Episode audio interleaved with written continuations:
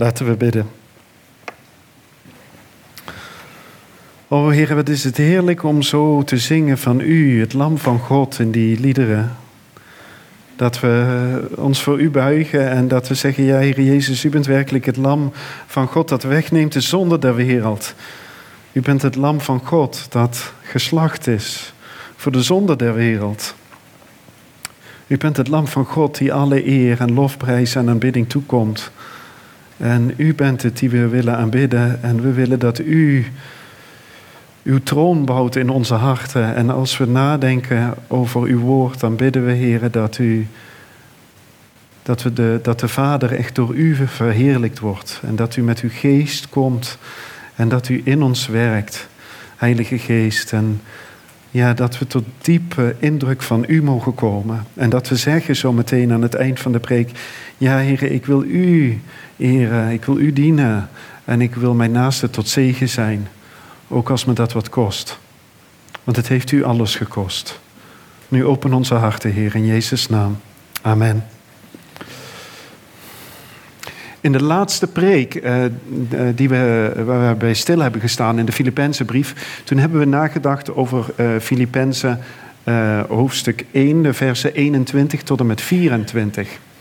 En we zagen in die versen dat Christus voor Paulus zowel in het leven als in het sterven winst was. En we hebben onszelf ook die vraag gesteld: is dat ook voor ons zo? Kan ik van mezelf zeggen dat Jezus voor mij in leven en in sterven winst is? Paulus, die als het ware tussen leven en sterven instaat en in de gevangenis zit, die schrijft hierover. En ondanks dat mogelijke eh, naderende sterven van Paulus, deelt hij met de Filippenzen de vreugde die hij ervaart de vreugde die hij ervaart in hun trouw aan het evangelie.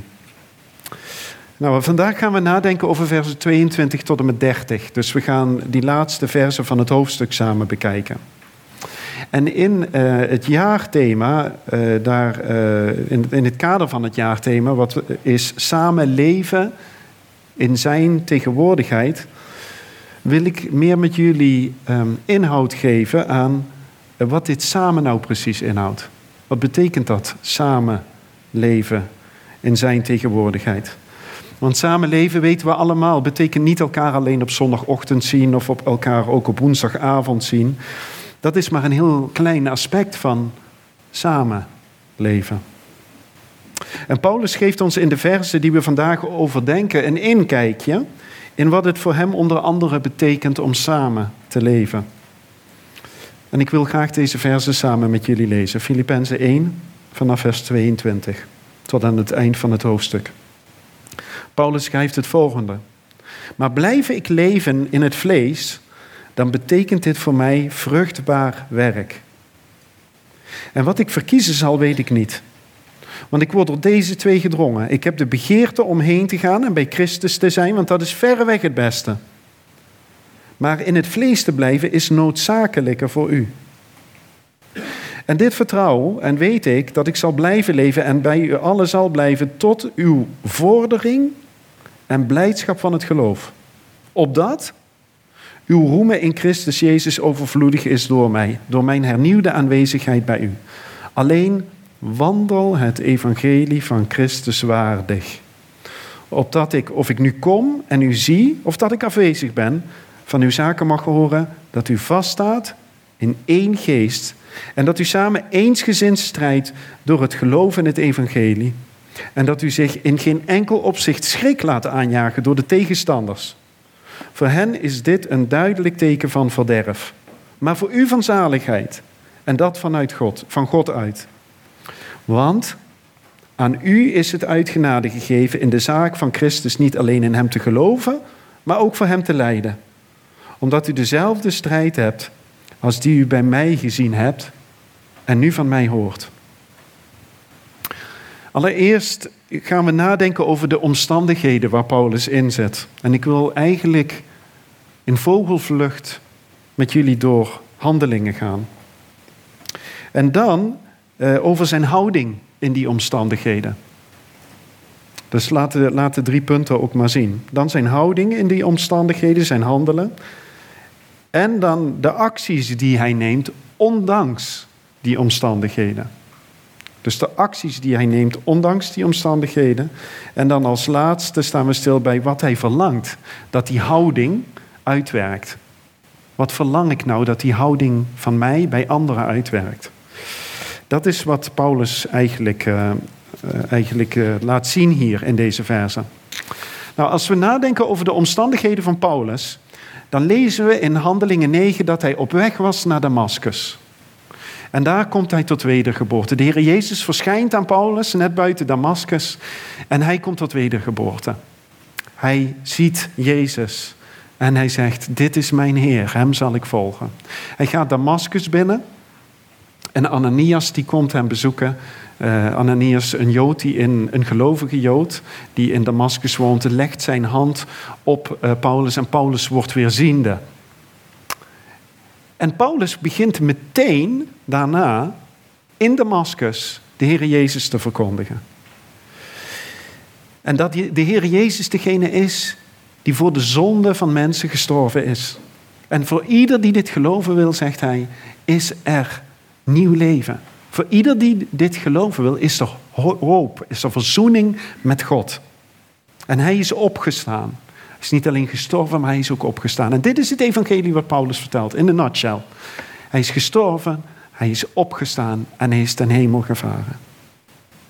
En meteen wat er gebeurt, in die eerste maanden na zijn wedergeboorte, wordt er een aanslag op Paulus' leven gepland. Dat is de eerste van vele aanslagen die op zijn leven gepland worden. Hij moet Damascus ontvluchten. Dan komt hij in Jeruzalem aan. En daar ontwijken de eerste christenen hem. Want ze zeggen, ja maar Paulus, eh, dat, dat kan toch geen gelovige zijn? Dat kan toch geen broeder van ons zijn? Hij was degene die ons vervolgde. Dan lezen we in Handelingen 13, in Antiochië te Pisidia. Dan organiseert men een vervolging tegen Barnabas en Paulus. En worden ze uit het gebied verdreven. Dan komen we in het volgende hoofdstuk, in Handelingen 14, in de volgende stad, Iconium. Dan wekt men onrust en verbittering tegen Paulus op en wil men hen stenigen. Dan vluchten ze naar Lystra en daar lezen we dat, dat Paulus daadwerkelijk gestenigd wordt. En hij overleeft dat net, want men dacht dat hij dood was. Men liet hem als men dacht dat hij dood was achter. Zo slecht was hij eraan toe. Aan het eind van Handelingen 15 gebeurt het ondenkbare. De diepe, jarenlange vriendschap tussen Paulus en Barnabas komt uh, in een crisis terecht. En Paulus en Barnabas gaan, hun, gaan aparte wegen. Ze verliezen in elkaar een trouwe vriend met wie ze jarenlang hebben opgetrokken. In Handelingen 16, het hoofdstuk daarna, worden de kleren van Paulus lijf gerukt en krijgt hij veel stokslagen en wordt hij in een blok vastgezet. In de binnenste kerker in Filippi. In Handelingen 17 moet hij Thessaloniki verlaten, omdat mensen vanwege hem de orde in de stad verstoren. Dan gaat hij naar Berea toe. En in Berea gebeurt hetzelfde. Dan gaan we naar Handelingen 19 in Efeze. Daar raakt de hele stad in oproer om de boodschap van Paulus. En de discipelen lijken Paulus als het ware verborgen te houden. Ze zeggen tegen hem: Paulus, ga niet naar buiten, ga niet met die mensen spreken, dit is te gevaarlijk. In Handelingen 20 wil men in Griekenland een aanslag op Paulus plegen. In Handelingen 21 proberen de Joden hem in Jeruzalem te doden. In Handelingen 22 willen de Romeinen hem geeselen, totdat ze erachter komen dat hij een Romeins staatsburger is. Dan gaat hij de gevangenis in. En in Handelingen 23 probeert men Paulus weer opnieuw te doden. Daarna zit hij in de gevangenis in Caesarea. En dan wordt hij per schip naar Italië gebracht. En overleeft hij een zware schipbreuk. En spoelt aan op het eiland Malta. En dan is het laatste wat we lezen in het laatste hoofdstuk van Handelingen. Dat Paulus in Rome aankomt. Dat is wat Handelingen ons vertelt over de bediening van Paulus. Zijn omstandigheden waren niet omstandigheden waar je van zou zeggen: Nou, ik laat eens even zien hoe succesvol ik ben. Ik schrijf eens naar huis over hoe goed het me gaat, hoe makkelijk het is. Niet iets om, waar, waarvan je zou zeggen, hier ga ik over naar huis schrijven, hier vertel ik over. Sommige moeilijkheden die kwamen op Paulus af door mensen, maar andere omstandigheden kwamen op Paulus af door de natuur. In 2 Korinthe 11 vertelt Paulus dat hij tot drie keer toe zware schipbreuk heeft geleden. Ook leed hij honger. Ook had Paulus dorst. Inspanning en moeite en nachten zonder slaap. Maar Paulus koos er telkens voor om opnieuw op reis te gaan. Paulus koos er telkens voor om het evangelie, om daar niet de scherpe randjes van af te snijden. Paulus koos ervoor om telkens opnieuw nieuwe steden te bezoeken. Hij besloot zelf om zo duidelijk mogelijk het evangelie te delen. Het waren bewuste keuzes van Paulus. Hij had in Korinthe kunnen blijven, de stad waar het zo succesvol was. Zoveel mensen waren tot geloof gekomen. Laat ik daar blijven, nog een maandje extra, nog een jaartje extra. Hier gaat het goed, de gemeente wordt hier gebouwd. Maar dat deed hij niet. Hij bleef niet in Korinthe. Hij ging verder. En hij ging op zoek naar nog meer plekken en nog meer mensen waar de Heer Jezus nog niet bekend was. Paulus' omstandigheden waren lang niet altijd fijn. En net nadat Paulus in Handelingen 14 gestenigd is en bijna dood is, ik noemde het net, zegt hij samen met Barnabas tegen de mensen die in die stad tot geloof waren gekomen, in Handelingen 14, vers 22, zegt hij het volgende tegen ze: dat wij door veel verdrukkingen in het koninkrijk van God moeten binnengaan. En dit is net nadat hij gestenigd is. En hij gaat door naar de volgende stad. Hij gaat door met dienen. Hoe wij zelf ons leven inrichten om God te dienen en hoe duidelijk we zijn in het delen van het evangelie met onze naasten, dat hebben wij zelf in de hand. Afgelopen week deelde een dappere tiener met me dat er in de klas over seksuele liberaliteit en abortus gesproken werd. Helaas is dat lijkt wel het punt van de dag. Niet alleen op de middelbare school, maar ook op de basisscholen, als ik het zo van mijn kinderen soms hoor. En iedereen deelde zijn of haar mening. Iedereen had een radicale, niet-christelijke visie hierop. En eigenlijk was de houding van de klas: iedereen kan doen waar hij zelf zin in heeft. En de dappere tiener besloot in alle openheid en liefde te vertellen dat God de man als man gemaakt heeft. En de vrouw als vrouw. En dat God intimiteit heeft bedoeld voor het huwelijk tussen één man en één vrouw. En dat God de gever van het leven is. Ze werd tegengesproken. Ze werd gek aangekeken. En ze ervoer alleen te staan. Ze wist dat dit de reactie van de klas zou zijn. Dat wist ze. Maar ze vond dat de waarheid ook gezegd moest worden. Ze wilde de heiligheid en de goedheid van God niet onder stoelen of banken steken.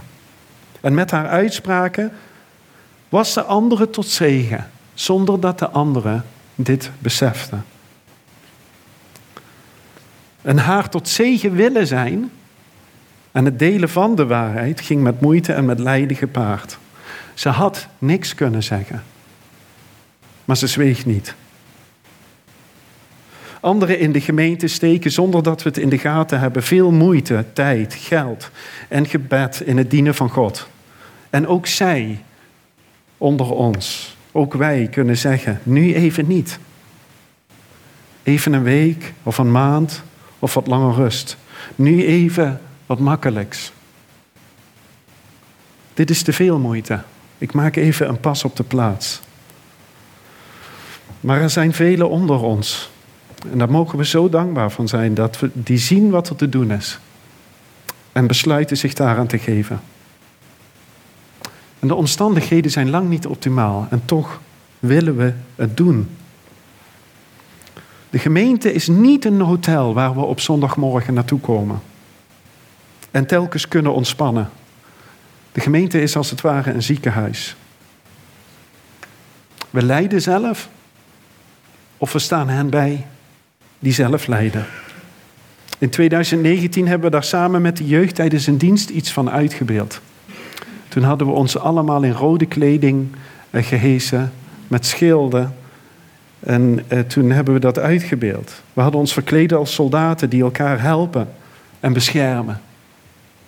Mensen die elkaar bijstaan in de strijd. Elkaar tot hulp. Elkaar tot zegen zijn.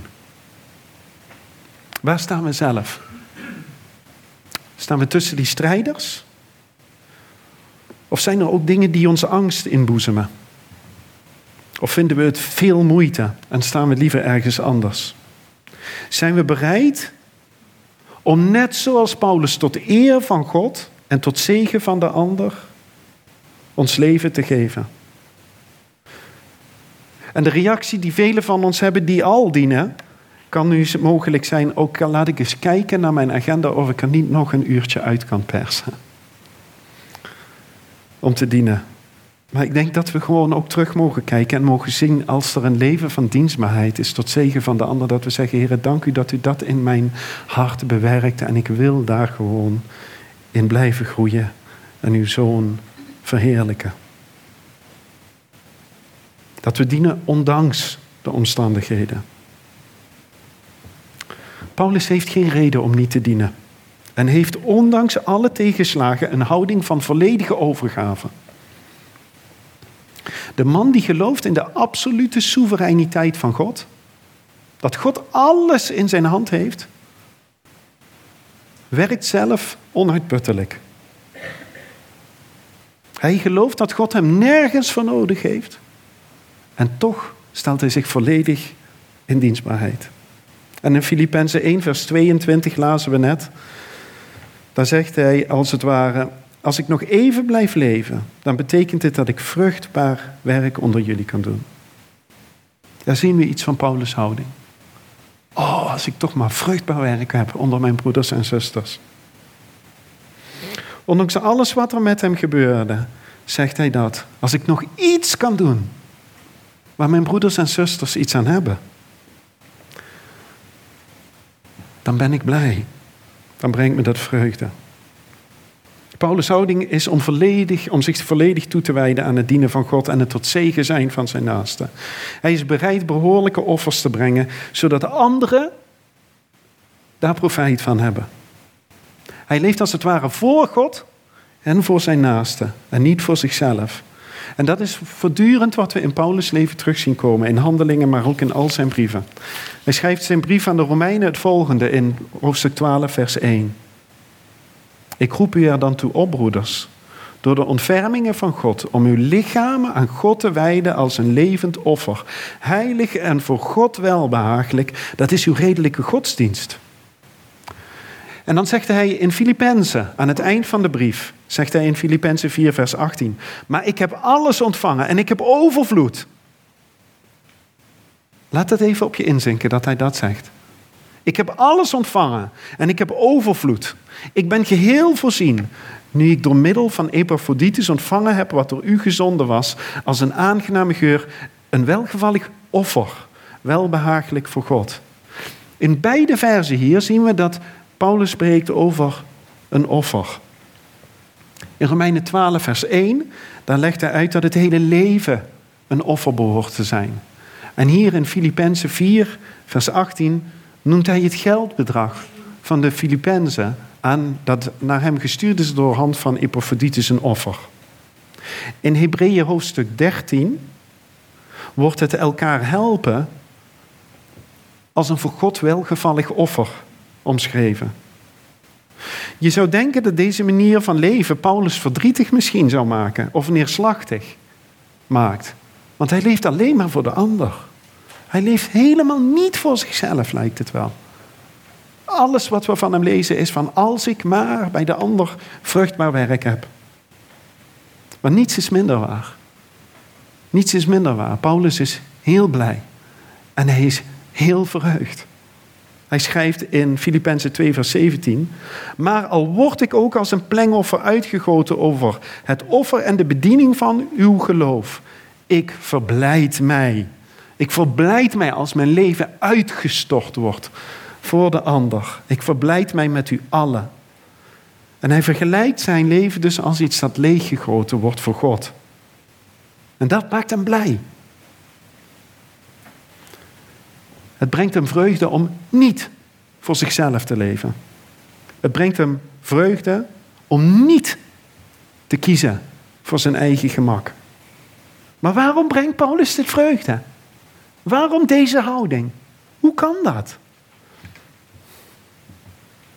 In Efeze 5, vers 2 zegt hij het volgende: Wandel in de liefde, zoals Christus ons lief gehad heeft en zichzelf voor ons heeft overgegeven als een offergave en slachtoffer tot, slachtoffer tot een aangename geur voor God.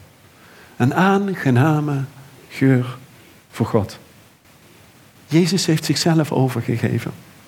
Hij heeft zichzelf overgegeven als een offergave, als een offer voor mensen, als een slachtoffer uit liefde voor ons. Hij hoefde niet naar de aarde te komen, maar hij is gekomen. Hij hoefde niet die moeilijke weg te gaan, maar hij heeft besloten om voor ons de moeilijke weg te gaan. Hij hoefde, hij zei zelf, toen hij gearresteerd werd in Gethsemane, als ik nu wil, dan kan ik twaalf legioen engelen roepen om mij hierbij te staan. Hij hoefde het niet te doen, maar hij deed het. Het was zijn keuze om naar de aarde te komen voor ons. Het was zijn keuze om aan het kruis genageld te worden. Het was zijn keuze voor ons om zijn bloed te laten vloeien. Het was zijn keuze om te zeggen: Vader, hier heeft u mijn leven. Ik leg het neer. Het was zijn keuze. Het was niet iets wat hij moest doen. Hij wilde het doen. Hij wilde zijn leven geven voor jou en voor mij. En hij heeft alles gegeven. De hemel achter zich gelaten. Een offergave. Een slachtoffer voor ieder die het wil geloven. Dat is Jezus. Dat is het evangelie. Dat is het goede nieuws van God. En hij zegt, dit is mijn drijfveer. Dat zegt Paulus. Dit is Jezus. Dit is degene die ik volg. Dit is degene voor wie ik leef. Want hij heeft voor mij geleefd en geleden en is voor mij gestorven. Hij had niet naar de aarde te komen, hoeven komen. En toch doet hij dit. Toch kwam hij. Toch zei hij, doe maar met mij wat u goed dunkt. Toch ondergaat hij armoede. Toch ondergaat hij moeite. Toch ondergaat hij geesteling. Toch ondergaat hij het bespuugd worden. Het gegezeld worden. Toch laat hij zich kruisigen. Toch gaan de spijkers door zijn handen en voeten. Toch draagt hij de toren van God over al onze zonden. En zegt hij, het is volbracht. Het is volbracht. Hij wist van het lijden dat zou komen. We hebben eerder alles in de evangelie erbij stilgestaan dat Jezus meerdere keren zegt, ik moet naar Jeruzalem. Ik moet gegezeld worden. Ik moet gekruisigd worden. Ik zal sterven en ik zal opstaan. De Heer Jezus Christus wist tot in detail wat er met hem ging gebeuren. Maar die goddelijke, volmaakte, overvloedige en onwankelbare liefde van de Heer Jezus Christus voor zijn kinderen heeft hem ertoe gebracht om dit te doen. Dit is wat Jezus dreef. Vanuit zijn liefde voor mensen. Vanuit zijn liefde voor iemand die vaak helemaal niet zo lieflijk is. Komt hij naar de aarde en geeft hij alles. Vanuit zijn liefde voor zijn vijanden, Romeinen 5, vers 8, geeft hij zijn leven als offer. En zijn offer aan het kruis was voor God, en dat lazen we net, een aangename geur. En dan zegt Paulus in 2 Korinthe 2, vers 15a. Want wij zijn, wij zijn voor God een aangename geur van Christus. Wij zijn voor God een aangename geur van Christus. De omstandigheden houden Paulus niet tegen. En hij zegt, ik wil in de voetstappen van deze Heer, van Jezus Christus wandelen. Ik wil in zijn voetstappen wandelen. Ik wil een aangename geur van Christus voor God en voor mijn naaste zijn. Ik wil dat mensen Jezus als het ware ruiken als ze bij mij in de buurt komen. Hoe is dat met ons? Houden onze omstandigheden ons tegen? Of geven we ons als een offer om iets van Jezus aan onze naaste te laten zien? Als onze broer of zus iets doet wat ons niet bevalt, hoe reageren we dan? Als iets te veel inspanning of moeite kost, geven we dan op. Als het christen zijn uitdagingen met zich meebrengt, verplaatsen we ons dan naar de achtergrond? Of zeggen we, ja, dit hoort erbij. Dit hoort erbij. Het leven is niet makkelijk, maar ik wil een aangename geur van Christus zijn. Ik wil naar mijn gezinsleden een aangename geur van Christus zijn. Het dienen in de gemeente, dat start met gebed. Het kost tijd. Het kost moeite en meer. Maar ik wil een aangename geur van Christus zijn. Ik wil vruchtbaar werk doen onder mijn broeders en zusters. Omdat daarin Jezus Christus ervaren mag worden. En dat is het verlangen wat we lezen in de brieven van Paulus. Uit die versen die we in het begin lazen, dan zegt hij in Filippenzen 1, vers 25 en 26a. Dat ik bij u allen zal blijven tot uw, let op hè, tot uw vordering. Tot uw blijdschap van het geloof. Opdat uw roemen in Christus Jezus overvloedig is. Paulus' vreugde is dat zijn broeders en zusters groeien in blijdschap en geloof. Paulus' vreugde is dat zijn broeders en zusters overlopen van de Heer Jezus Christus, want in Hem is ons geloof gevestigd. Dat hun roemen in Jezus overvloedig is. Dat is Paulus' verlangen. En iets eerder in het hoofdstuk schrijft Paulus het volgende in Filippenzen 1, vers 12. Ik wil dat u weet, broeders, dat wat er met mij gebeurd is, veel eer tot bevordering van het evangelie gediend heeft. We zien in beide versen, in beide teksten hier, op, op dezelfde sheet zien we staan dat het om de vordering en om de bevordering gaat. Het is hetzelfde woord in het Grieks in de oorspronkelijke tekst.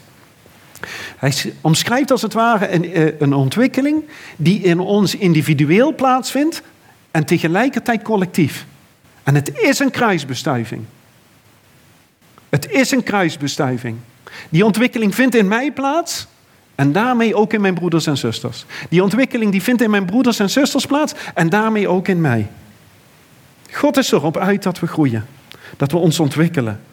Dat we, en dat doen we individueel en collectief. Je kunt hier niet komen zitten en zeggen, nou, het collectief groeit, dus het zal met mij goed zitten. We moeten allemaal onszelf naar Hem uitstrekken. En Hij verwelkomt ons met open armen. We zijn van elkaar afhankelijk. De groei van de gemeente, onze overgave, hoe we tot eer van God leven en tot zegen van de ander, is mijn verantwoordelijkheid. Het is onze verantwoordelijkheid. Voor ieder die hier zit. Voor ons allemaal. En hij zegt, ik wil dat dit verlangen van ieder van ons wordt. We verlangen naar en verheugen ons zo vaak in kleine dingen. En dat herken ik zelf ook. Oh, als ik dat boek toch nog eens zou hebben. Oh, als ik die grotere auto toch zou hebben. Of dat grotere huis. En dan denken we, oh, dat vinden we misschien wat meer blijdschap. En dan zit het goed. Maar de vreugde, de blijdschap, is iets wat God ons wil geven in zijn Zoon Jezus Christus.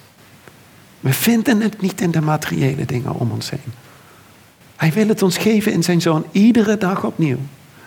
En het evangelie, de eenvoud van het evangelie, is hetgene wat ons die diepe vreugde en blijdschap geeft.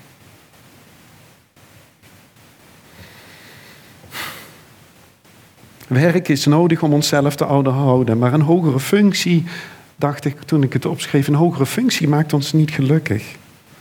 Het kan zoveel, kunnen we denken van, oh het is dit of het is dat. Als ik dat heb, dan gaat het beter met me. Dan gaat het beter met ons. Waar steken we tijd, energie, moeite en passie in? Waar steken we het in? De diepe, overvloedige, meer dan wat dan ook, groter dan je kunt bedenken, liefde, vreugde, vinden we in de vordering van het evangelie. Daar vinden we de vreugde in. In de vordering van het geloof in onze eigen harten en in de harten van anderen. Dat weten we in ons hoofd. En het mag telkens opnieuw meer neerdalen in ons hart. Even terug vertelde een andere tiener een verhaal. Uitdagende omstandigheden met andere leerlingen in de klas. En leerlingen gingen voor die tiener over de grens.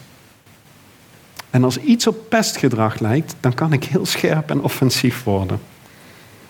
Dus ik schoot echt tekort in mijn getuigenis naar die tiener toe op dat moment. Maar omdat ik zo begaan was met die tiener. En die tiener die viel, die viel stil, die kreeg tranen in de ogen en zei: Ja, maar ik wil ze iets van Jezus laten zien. Ik wil ze iets van Jezus laten zien. Ik wil me geen schrik laten aanjagen, maar ik wil ze iets van Jezus laten zien. De kracht van het evangelie ontwikkelt zich in ons hart, in onze verlangens. Daar is de kracht van het evangelie in je leven te zien. Het evangelie van Jezus Christus hebben we gratis gekregen. Het is een geschenk van de soevereine God aan gebrekkige mensen. We hebben er niets voor hoeven doen. Maar het heeft, ons, heeft hem alles gekost. Maar het leven van het evangelie van Jezus Christus. Het volgen van Jezus. Het uitdragen van Jezus. Het tot zegen zijn van onze naasten. En zo samenleven in de gemeente. Het dienen in de gemeente. Dat komt met een prijskaartje. we kunnen en we mogen niet vergeten dat God alles heeft gegeven.